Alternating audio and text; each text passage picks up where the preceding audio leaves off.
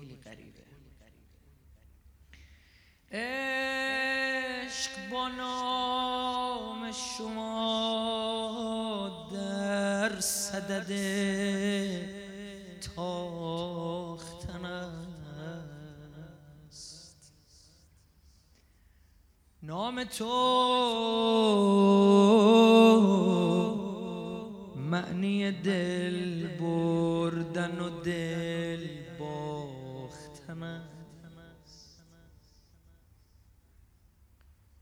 قیمت دوستی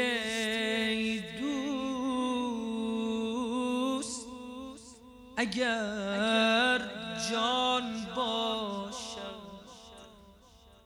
خیلی دعا داره. خدا کنه که من و امثال من اهل ادعا نباشیم. قیمت دوستی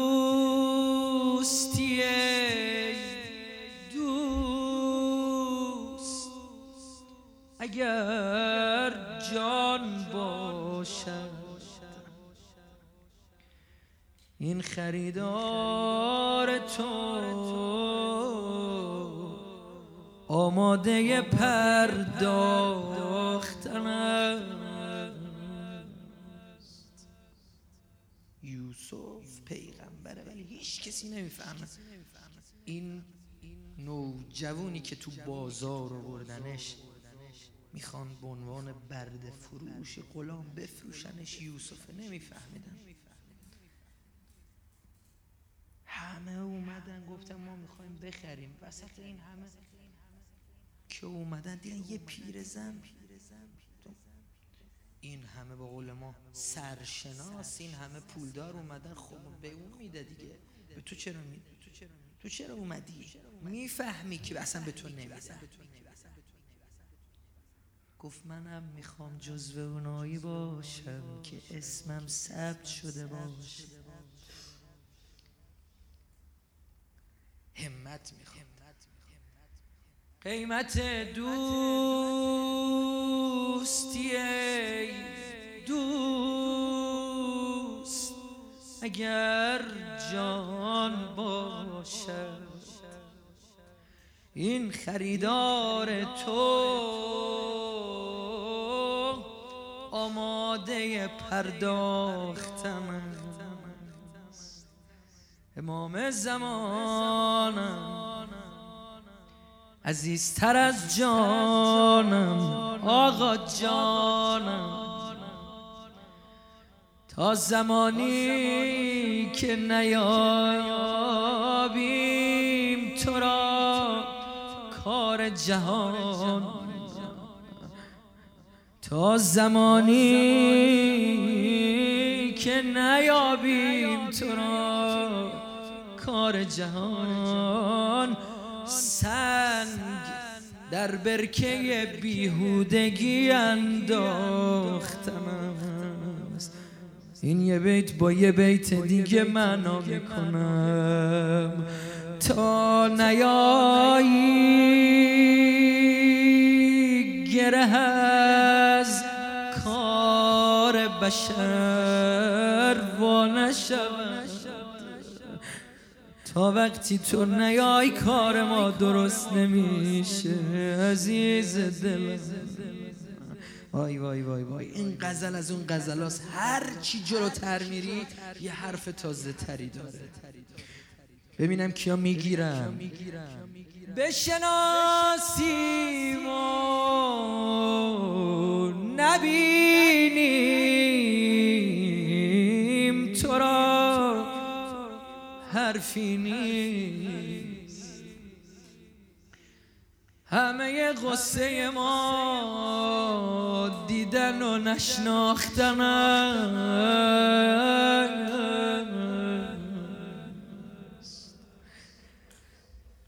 نکنه یه روز ببینمت نشناسمت. خیلی بده برام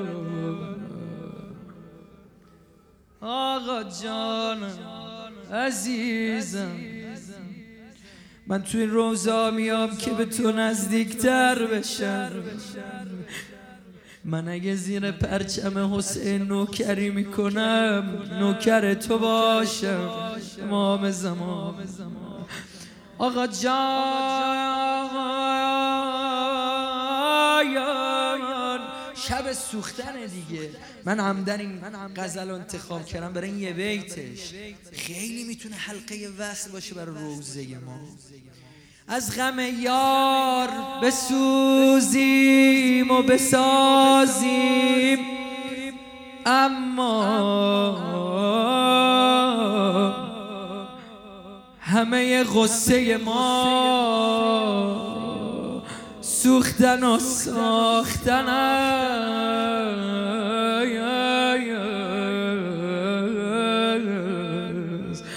می‌خوای از این یه بیت منتظنی تو روزه ببرم چشم؟ می‌دونی عشق چشمات داره با من حرف می‌زنه؟ می‌دونی ناله ها داره با من حرف می‌زنه؟ می‌دونی این حال قشنگی که داری منو کجا برده؟ بزن یکم با دلاتون بازی کنم اربعین نزدیکه اونایی که تلان گره تو کارشونه بسم الله. آی دلای سوخته. دل سوخته می‌خواد همین. همینو برات بگم خلاصش دیگه. همش توی جمله برات بگم دل سوخته می‌خواد دل سوخته می‌خواد نمی‌دونم کیا طلا کربلا نرفتن. شالا نصیب بشه هممون بریم امسال. اگه رفتی یاد منم کن. منم اگه رفتم یادت کنم. کجا؟ خیمگاه اونایی که رفتن دلشونو ببرن خیمگاه حسین یه طرف خیمه عباس قبل از بین الحرمین یه طرف خیمه حسینه اگه جلوتر بری بهت میگن. اینجا خیمه زین العابدینه چی بود آخرین بیت من؟ از غم یار بسوزیم و بسازیم. اما همه قصه مگر سوختن و ساختن می‌خوام یه ناله ای بزنی همه اومدیم سر سلامتیش بدیم. هر کجا نشستی زن و مرد بلند صدا بزنید. یبنا. حسن.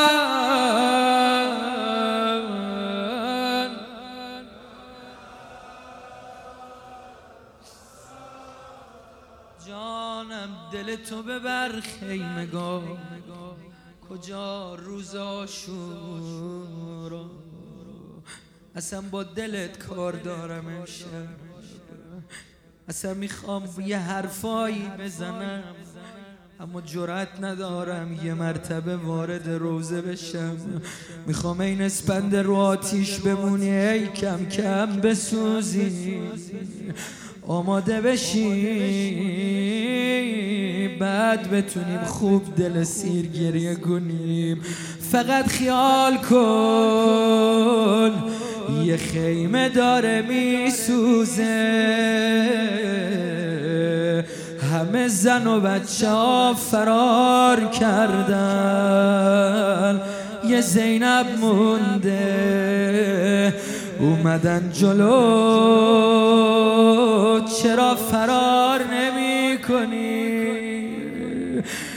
گفت آقای من تو این خیمه است مگه میشه مولا متنا بذارم های های های های های های ببین روزه یعنی اینا. روزه اون وقتی برات روزه میشه بتونی مجسم کنی روزه. بتونی قشنگ تصور کنی. حالا من بگیرم دلاتونو شکار کنم دلاتونو. می‌دونی چرا این حرفا رو زدم؟ می‌خواستم دلتونو ببرم مدینه. نمی‌دونم. یه خیمه داره میسوزه. یه آقا اونوره یه خانوم اینوره اومده دفاع کنه میگه امام زمانمه. میگه چرا فرار نمی کنی میگه جون من بگیرید. اما نزدیک امام زمانم نشید. خب حالا از زبان امام زین العابدین. مثل من. در این عالم. وسط شعله ها امام نشد. خدا کنه نفهمی به خدا بعض وقتا اساتیده اینو میگن میگه تو میگی خدا کنه اینو نفهمن چی داری میگی. مثل من هیچ کس در این عالم وسط شعله ها. امام نشد. دیگه. در شروع امامتش چون من اینقدر دورش ازدهام نشد. خب خب. دو کلمه گفتم. شعله ازدهام یعنی چه نتیجهش اینجاست؟ لشکری. جان حضرت زهرا اونایی که می‌گیرن من چی میگم؟ ناله بزنن و. لشکری از مغیره می آمد خیمه غارت شد و در آتش.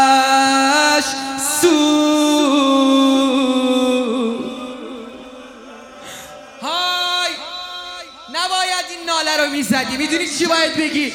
وای مادرم مادرم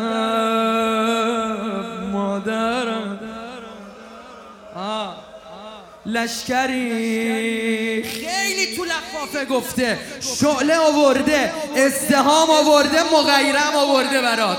لشکری از مغیره. می آمد.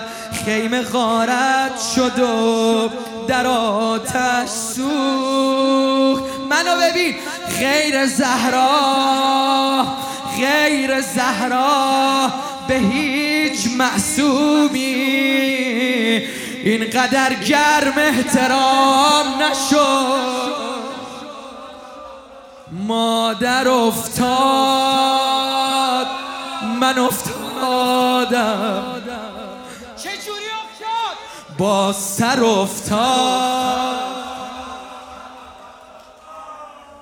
خب گریه می‌کنی ناله می‌زنی نوش جون. روز از این سنگین ترم دارم برات.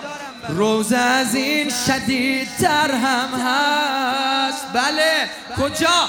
لحظه ای که حسین یاری خواست و علی بود اسم من. من همه دردم این اسمم علی بود نتونستم کاری کنم. دقيقة مثل مدينة.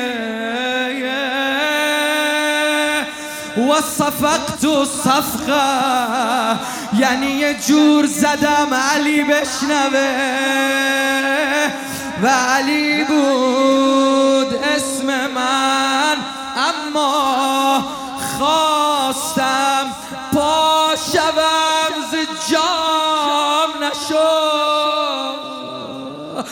نشد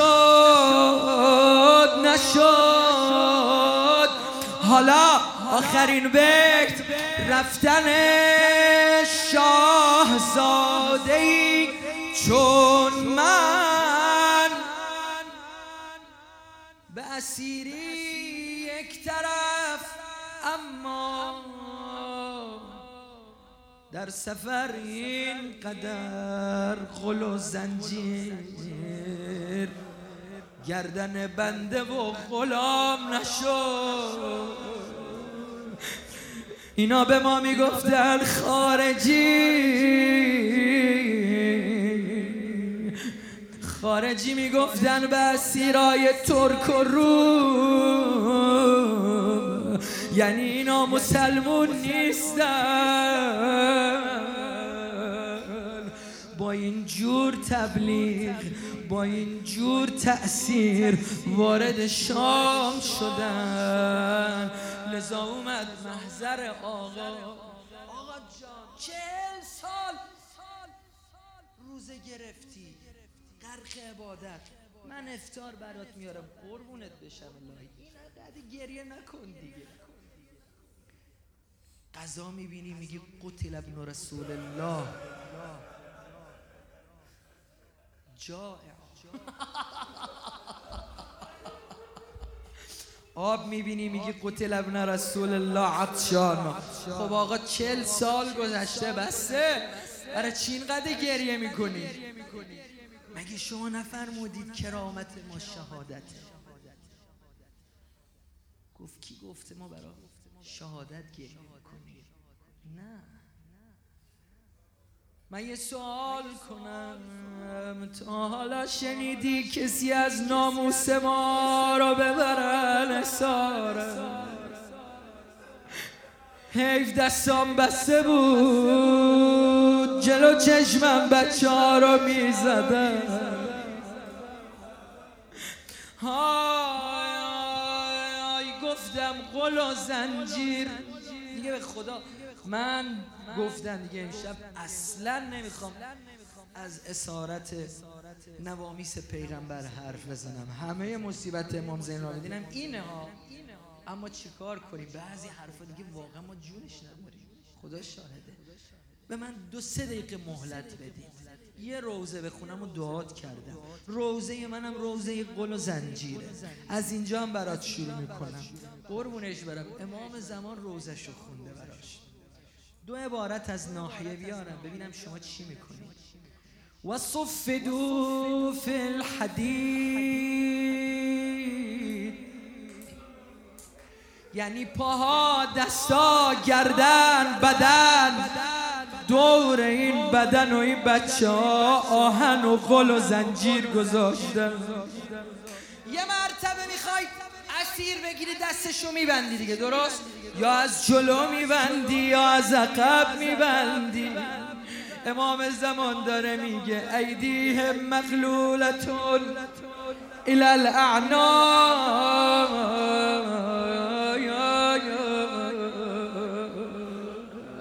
ها اینا اینا یه حرفایی داره باید بگذاریم اما شما اهل روزه ای دا.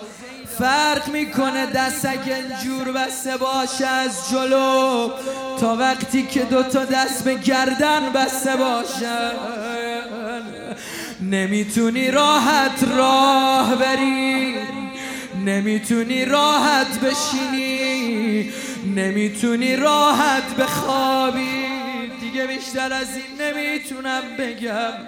حتی گفتن جنس قل و زنجیری که تو گردن امام ما کرده بودن فرق می‌کرد. و فی عنقه الجامعه خل جامعه به سلسله میگن که همه را به یه زنجیر بستن. چرا؟ اگه یه نفر زمین بخوره همه زمین می‌خورن. تجمع الیدین العنق. حالا دو دقیقه رفت یه دقیقه با من گریه کن تمام. یا امام زمان امام باقر به ما یاد داده. گفته من بودم و من دیدم و من سوختم و من گریه کردم. من به سینه کوبیدم و من ناله زدم و من روز خوندم. بردن ما رو کوچه یهود. زن و بچه ها اومدن. از رو پشت بام آتیش می زدن آتیش رو امامه بابام افتاد. امام سوخ سر سوخ موهای سوخ گردن سوخ تا تونستن با چوب زدن. تا تونستن با سنگ زدن. امام سجاد گفته من نمیگم فما احد منهم الا وقد القى علينا من التراب والحجار والاخشاب. بعد بعد بعد این همه زخم این همه درد. می‌گفت آقا ما رو عمدن وسط گرما میذاشتن. یه جایی که سایه نداشت. همه اینا رو توی جمله برات جمع کنم. مثل فردا امام باقر اومد بدن متحر و غسل بده. یه مرتبه دیدن دست از غسل برداشت. که رفقا روزه ها بعد از چهل سال هنوز جای زنجیر رو گردن آقا بود. های تیر خلاص بزنم. داد می‌زنی؟ بمیرم برا رقیه. سه ساله بدن نحیف